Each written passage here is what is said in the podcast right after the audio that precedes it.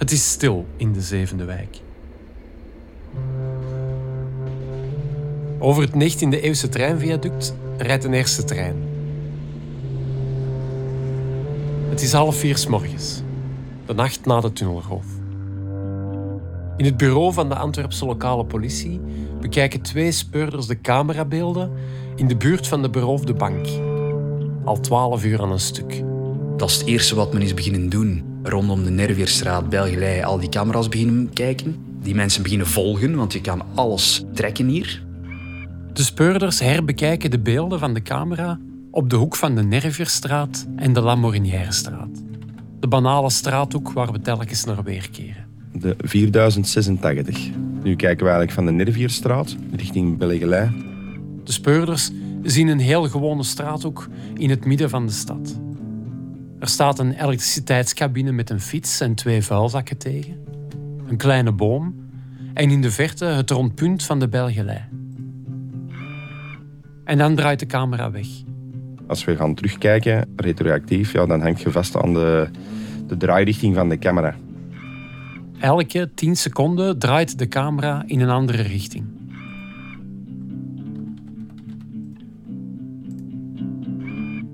Twee draairichtingen later zien de speurders opnieuw de Nervierstraat. Het is kwart na twee. Een deur gaat open en de man met de rolkoffer verlaat het huis van waaruit de tunnel is gegraven. De speurders noteren in het PV Verdachte B verlaat pand. Draagt traditioneel Joods-orthodoxe kledij. Twintig seconden later filmt dezelfde camera de Lamorinière-straat. De orthodoxe jood met de rolkoffer wandelt nonchalant de straat in. Als je elke twee minuten achteruit kijkt en rondkijkt, valt op. Doe gewoon een ding. Je valt niet op, hè? De speurders kennen de zevende wijk als hun broekzak. Ik wil met mijn volgende camera springen. De 4157. Die camera hangt op het einde van de straat. Nu kijken we eigenlijk in de Lamorinière-straat richting de Nervierstraat. De orthodoxe jood met de rolkoffer verschijnt in beeld en draait de hoek om. In de Mercatorstraat passeert hij twee vrouwen die met elkaar staan te praten. De camera draait weg. Als de camera 20 seconden later terug in positie is, zien de speurders opnieuw de twee pratende vrouwen. Maar de orthodoxe jood met de rolkoffer is verdwenen. De speurders spoelen terug, zoomen uit, zoomen in, bekijken andere camera's, maar kunnen hem nergens vinden. Als je hem dan kwijt zet, frustrerend. En je weet dat dat de man is die de centen bij heeft. Hè?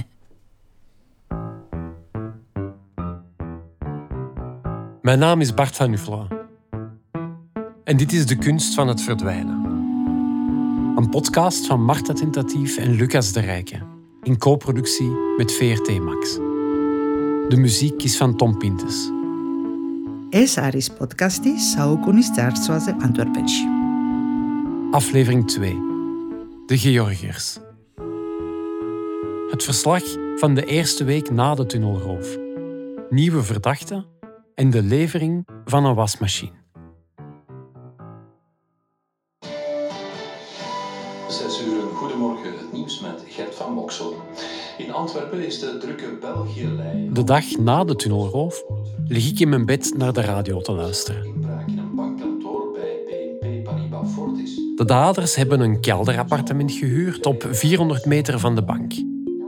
Vandaar groeven ze een tunnel naar de riool. Liekes van waterzuiveringsmaatschappij Aquafin benadrukt hoe gevaarlijk de diefstal was. Dan kropen ze door die riool tot aan de bank en daar maakten ze opnieuw een tunnel, tot in de kluizenzaal. De daders konden verschillende kluizen openbreken, maar of ze ook iets konden stelen, dat is niet duidelijk. BNP Paribas Fortis wil voorlopig ook niet reageren. Terwijl ik aan het ontbijt de eerste berichten over de tunnelroof lees, is Patrick Leffalon al bezig aan de krant van morgen. We moeten het veld onder water zetten, zorgen dat we die eerste dagen alles mee hebben. Hoe komt die bank daar? Wat soort klanten komen daar? Moeten we dan veronderstellen dat dat vol diamanten zit? Kunnen we dat visueel eh, in kaart brengen? Of eh, kunnen we een schatting maken van wat er in die kluizen zat? De inbrekers zijn in het bankkantoor binnengeraakt via twee tunnels die uitkomen in de riolering. Smiddags hoor ik op de radio dat de daders hun leven hebben geriskeerd. Dat is heel gevaarlijk, want als het begint te regenen, komt daar uiteraard ook het regenwater in dat via de daken en de straten afstroomt. En dan kan de riool zich eigenlijk heel snel vullen, wat natuurlijk tot de verdrinkingsdood kan leiden als je daar dan op dat moment aan het kruipen bent. Blijkbaar is de rioolbuis onder de Nervierstraat maar 80 centimeter hoog. En het afvalwater brengt natuurlijk ook bepaalde afvalstoffen met zich mee. En sommige van die gassen zitten opgelost in het water, maar vanaf dat je daarin begint te woelen, wat zeker het geval gaat geweest zijn, dan kan er H2S vrijkomen, wat zeer snel en zeer dodelijk kan zijn. Ik blijf het nieuws de hele dag volgen. Omdat het cool is, maar ook omdat het in de zevende wijk is. Zoals wij de Joodse buurt en het Diamantkwartier noemen. Het is een wijk waar ik bijna elke dag doorfiets, maar die ik nog altijd niet helemaal begrijp. De plek is waarschijnlijk ook niet toevallig gekozen. Als je een kluizenzaal wilt beroven, dan is een bank vlakbij het Diamantkwartier natuurlijk een interessante plek. Bij het laatste nieuws wijden ze er een groot artikel aan.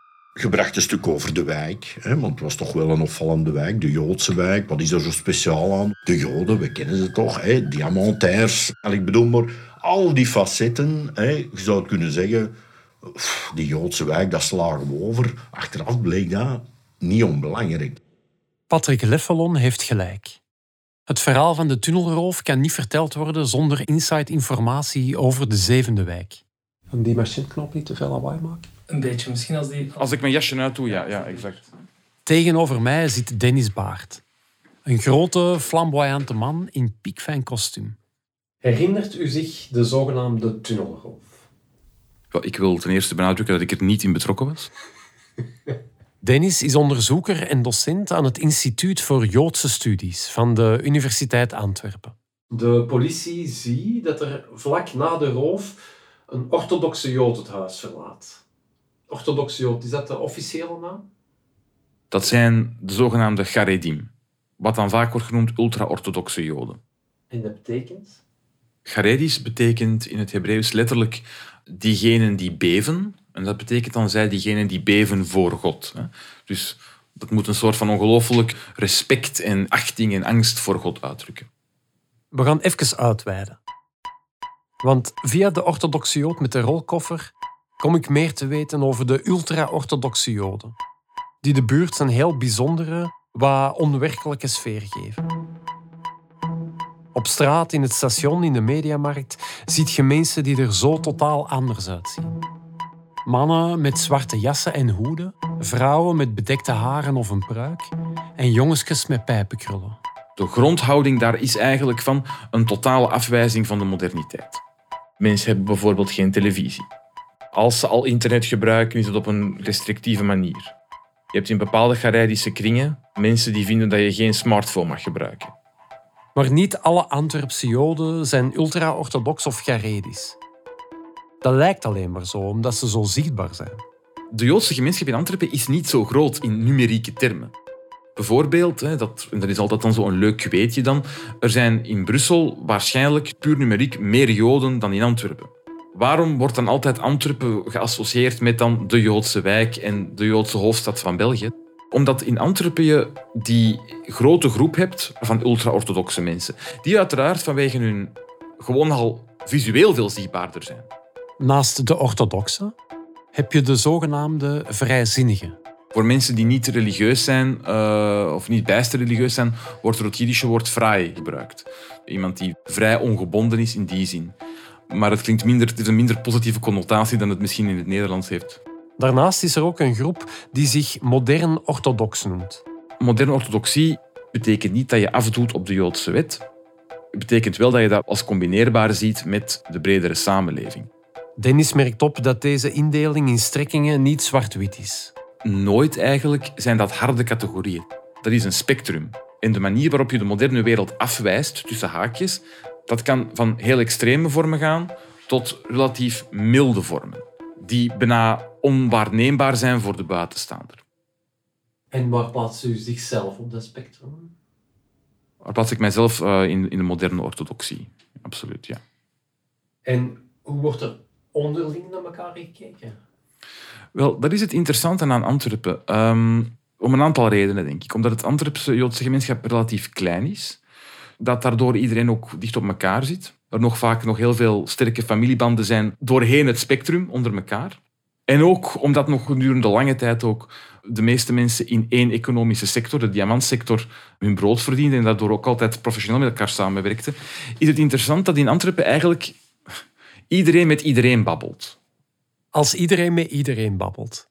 En als het een kleine gemeenschap is, dan kan het voor de politie niet moeilijk zijn om de orthodoxe Jood met de rolkoffer te vinden. En effectief. Twee dagen na de tunnelroof wordt een eerste verdachte gearresteerd. Het gaat om een man van 27 uit Georgië. Ze hebben hem aangehouden voor bendevorming en zware diefstal. Want volgens wat wij gehoord hebben, zouden er 20 tot 30 kluizen gekraakt zijn. De politie ziet kort na de kraak zes mannen het huis in de Nervierstraat verlaten. En gelooft dat dit er één van is. Zijn naam staat s'avonds al online. Koba M. Een eerste verdachte. Maar niet de orthodoxe Jood met de rolkoffer. Dinsdagochtend krijgt Sahil Malik telefoon. Sahil is de Antwerps-Indische advocaat met de indrukwekkende baard. Eergisteren stond hij nog naar de beroofde bank te kijken. Twee dagen later wordt hij gebeld door de moeder van een oude kameraad. En ja, goed, ze deed mij het verhaal van kijk, Koba is opgepakt. Op dat moment leg je de link natuurlijk niet, want ik ken Koba uit een ver verleden. En ze zegt ja, het heeft te doen met bankroof. En dat was uh, even een rilling door mijn lichaam, maar heel positief natuurlijk, omdat goed, als strafpleiter doe je dit soort zaken heel graag. Er zijn, er zijn strafrechtadvocaten die moorden zouden plegen om zo'n zaak te mogen doen. Maar je kende Koba dus van vroeger? Um, ik um, ik uh, pokerde graag in mijn studententijd. Um, en um, er was um, iemand, en die feiten zijn ondertussen verjaard, dus ik kan er hopelijk over spreken. Er was iemand die thuis uh, privé pokeravonden organiseerde. En daar heb ik Kobe eigenlijk leren kennen, ja. En wordt je goed? Ik was oké. Okay. you win some, you lose some. Dat is schokken. Meteen na het telefoontje bezoekt hij zijn voormalige pokervriend in de gevangenis in een minder aangename setting wel een leuk wederzien natuurlijk. Sahil bekijkt het verslag van Koba's verhoor en vertelt hem dat hij vrijdag voor de raadkamer moet verschijnen. Die raadkamer zal beslissen of de bewijzen tegen Koba sterk genoeg zijn om hem verder aan te houden. Onderweg naar huis wordt Sahil heel de tijd gebeld voor commentaar. Door alle mogelijke media, nationaal en internationaal. De Morning Post of South China heeft mij zelfs gebeld over die zaak. Als Sahil van de gevangenis thuiskomt, ziet hij hoe werkmannen in de Nervierstraat de tunnel blootleggen. Rondom het politielint staan cameraploegen en reporters. Een mevrouw met blond haar en een blauwe bril spreekt profetische woorden. Het is de beroemdste tunnel van de stad nu, hè? Ja, nu zal dat wel zoiets zijn, ja. Daar zal waarschijnlijk ook weer een verhaal overkomen, een boek overkomen, een film overkomen. Ja, dat is weer voer voor andere mensen. Hè? Woensdagavond, drie dagen na de tunnelroof, regent het berichten op alle nieuwsites. Er is een tweede verdachte aangehouden. Georgi K. Een man van 28 jaar met opnieuw Georgische roots. De volgende ochtend verschijnt in het laatste nieuws een groot artikel met enkele scoops. Getekend Patrick Leffelon. De tweede verdachte, Georgi K., Gio voor de vrienden, werkte samen met Koba voor een transportfirma in Wommelgem. Het zijn allebei jonge mannen van Georgische afkomst die al heel hun leven in Antwerpen wonen. Maar wat vooral opvalt, in de krant staan ook de foto's van Gio en Koba. En hoe komt je dan aan die foto's? Vroeger moesten bij wijze van spreken, je had een naam van een slachtoffer en dan begon hij in een telefoonboek te kijken om de familie te bellen. Nu tikte hij op sociale media in, je hebt nog foto's, zijn leef, zijn school. De foto's in de krant zijn duidelijk selfies. Je ziet nog net hoe hun vriendinnen zijn weggesneden. Beide mannen lachen, lijken gelukkig. Er waren foto's zonder zijn toestemming die van sociale media werden geplukt, wat niet mag.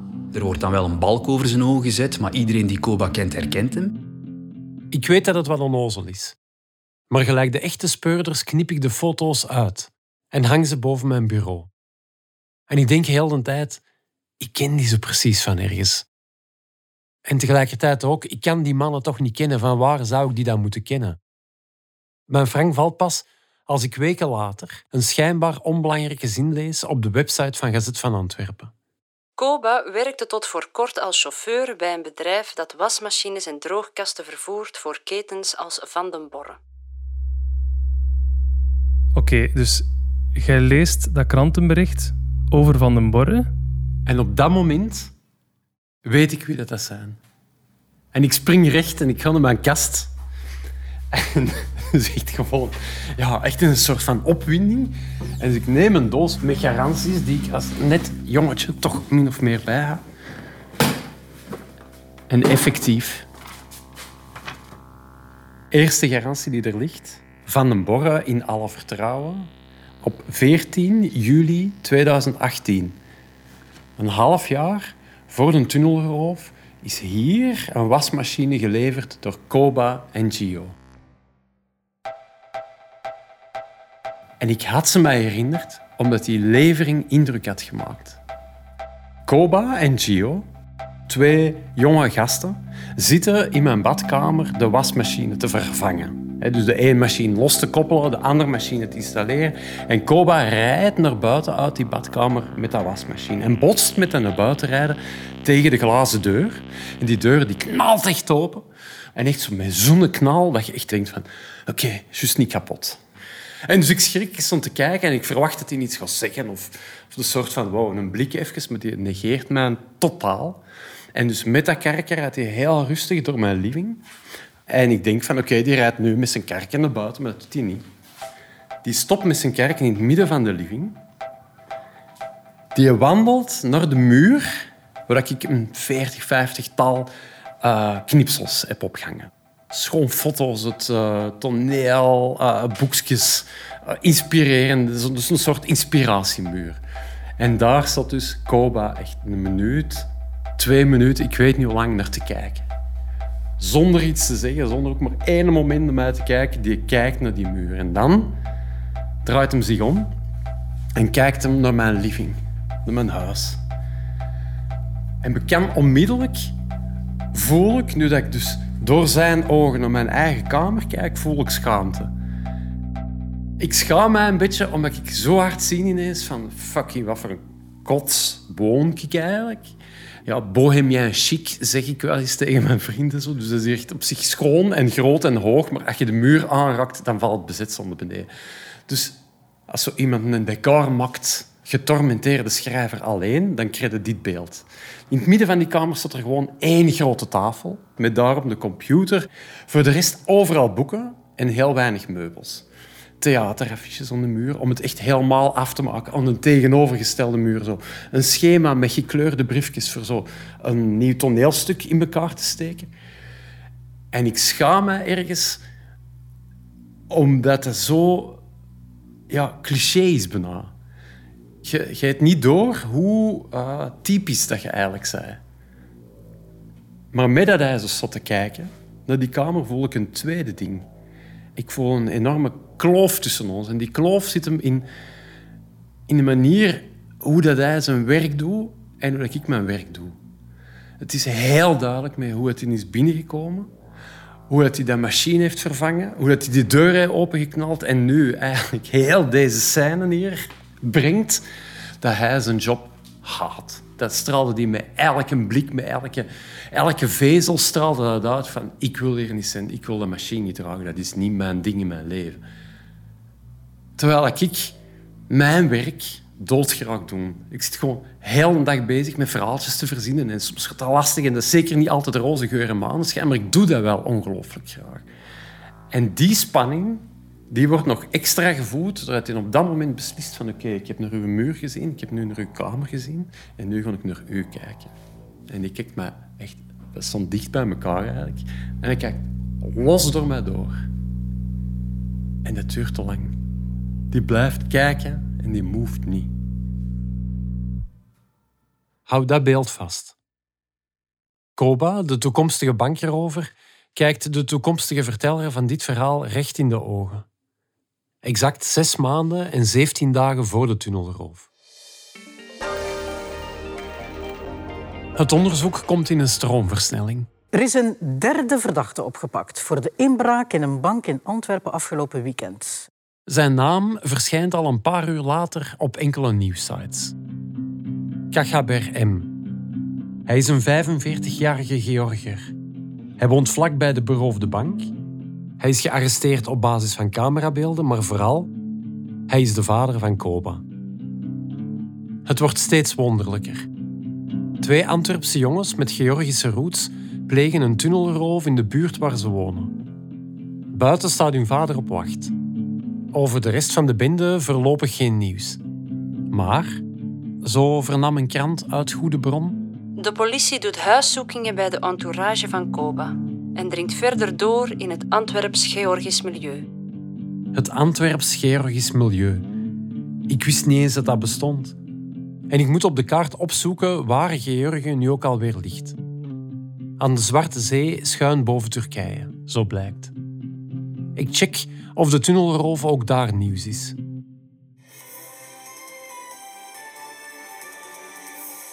Ik vind verschillende nieuwsfragmenten die minutenlang verslag uitbrengen. Ook zij tonen de foto's van Koba en Gio, mijn wasmachineleveranciers. Deze roof werd uitgevoerd in het centrum van de stad, waar veel welgestelde mensen eh, wonen en ook Diamantwijk genoemd wordt. Ekaterina Gokogia is tolk Georgisch-Nederlands. Ze is een goedlachse vrouw die als vrijwilliger werkt voor de Georgische kerk. Zoals journalist verklaard, zijn de twee jongens in België opgegroeid. En niemand eh, van de Georgische gemeenschap gelooft dat eh, de vrienden die opgepakt zijn, dat zij iets met die roof te maken hebben, want die zijn heel brave kinderen.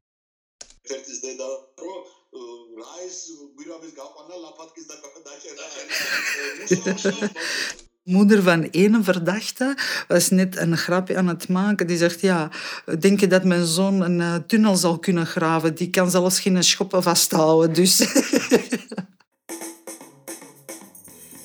Halverwege het nieuws wordt er opeens geschakeld naar beelden van George Clooney en Brad Pitt.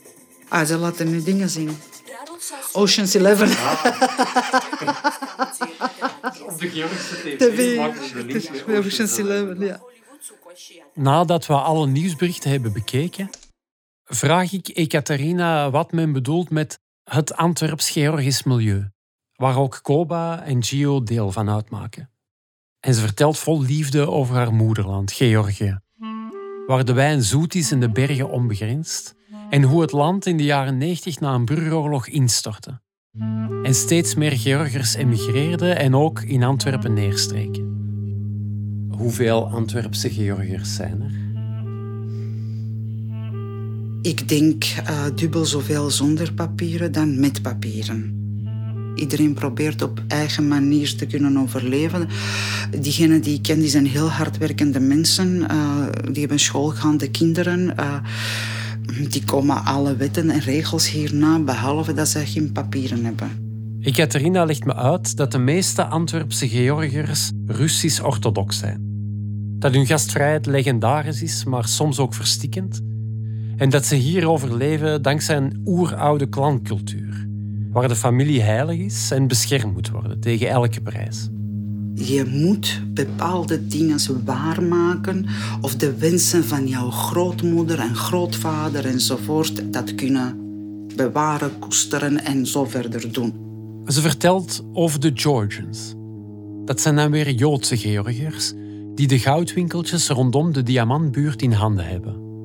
En over de Vori Zakone, een misdaadsyndicaat opgericht in de tijd van Stalin. Maffia kun je dat noemen.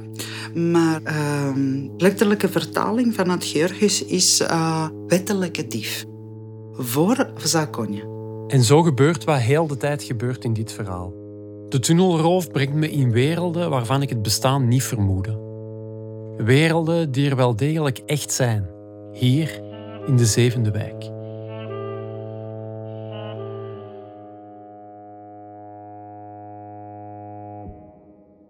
Vrijdagochtend. Vijf dagen na de tunnelroof, de dag van de raadkamer. Advocaat Sahil Malik staat om zes uur op. Gaat nog een uurtje fitnessen. Mijn workout, zoals altijd. En rijdt dan naar het Vlinderpaleis. Koffietje drinken en dan eens wachten tot het uw zaak is. Tijdens het wachten leest Sahil in de krant een artikel met daarin informatie die nog niet in het strafdossier staat. Ik had natuurlijk inzage gehad in het strafdossier. Die verklaringen zaten daar niet in. Wat moet ik nu gaan doen? Eerst is hij verontwaardigd omdat er nu ook al gelekt wordt uit het onderzoek, zelfs nog voordat het officieel in het dossier staat. Maar meteen daarna ziet hij hierin ook een kans. En hij besluit van strategie te veranderen. A good lawyer knows the law, but a great lawyer knows the judge. Je moet weten voor welke rechter dat je verschijnt en waar je welke kaart kan trekken. In die zin dat je voor een voorzitter verschijnt die jarenlang persrechter is geweest, die natuurlijk dit gegeven ook niet zomaar wens laten voorbijgaan. De raadkamer begint. Koba wordt binnengeleid. En Sahil legt zijn conclusies, waar hij een hele nacht aan heeft gewerkt, niet neer. En brengt zijn plan tot de uitvoering. Dus ik kom daar binnen en ik zeg van, kijk, klein probleem. Gaan we de zaak uitstellen of mag die verklaringen eerst inkijken? Of hoe gaan we het hier aanpakken? En toen zei die een onderzoeksrechter...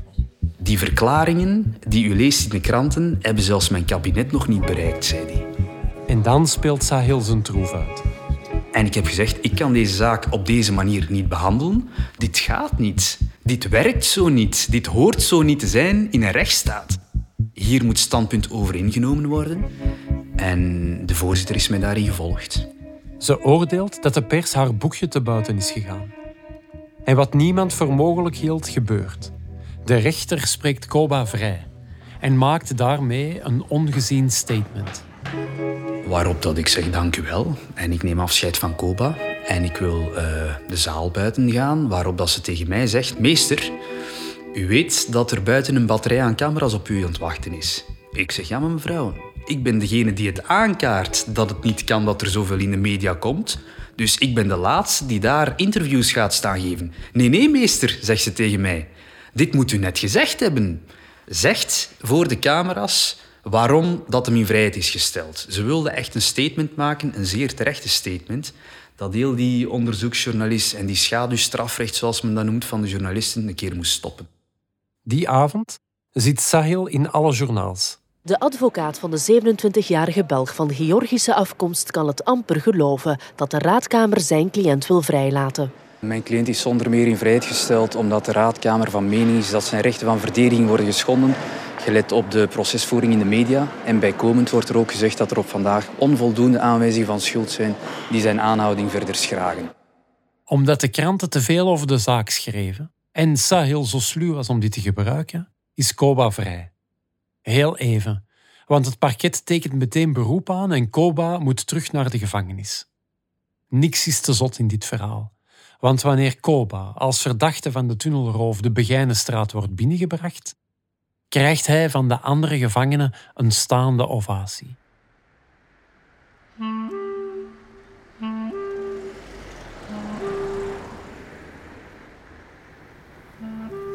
De orthodoxe Jood met de rolkoffer zal ons opnieuw naar deze hoek brengen.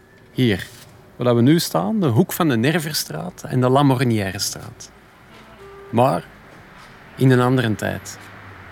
De zomer van 1980. Waanzin kan blijkbaar op elke plaats toeslaan.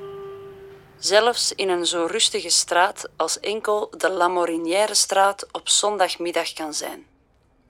Zijn symbool is een langzaam stollende bloedplas op warm asfalt.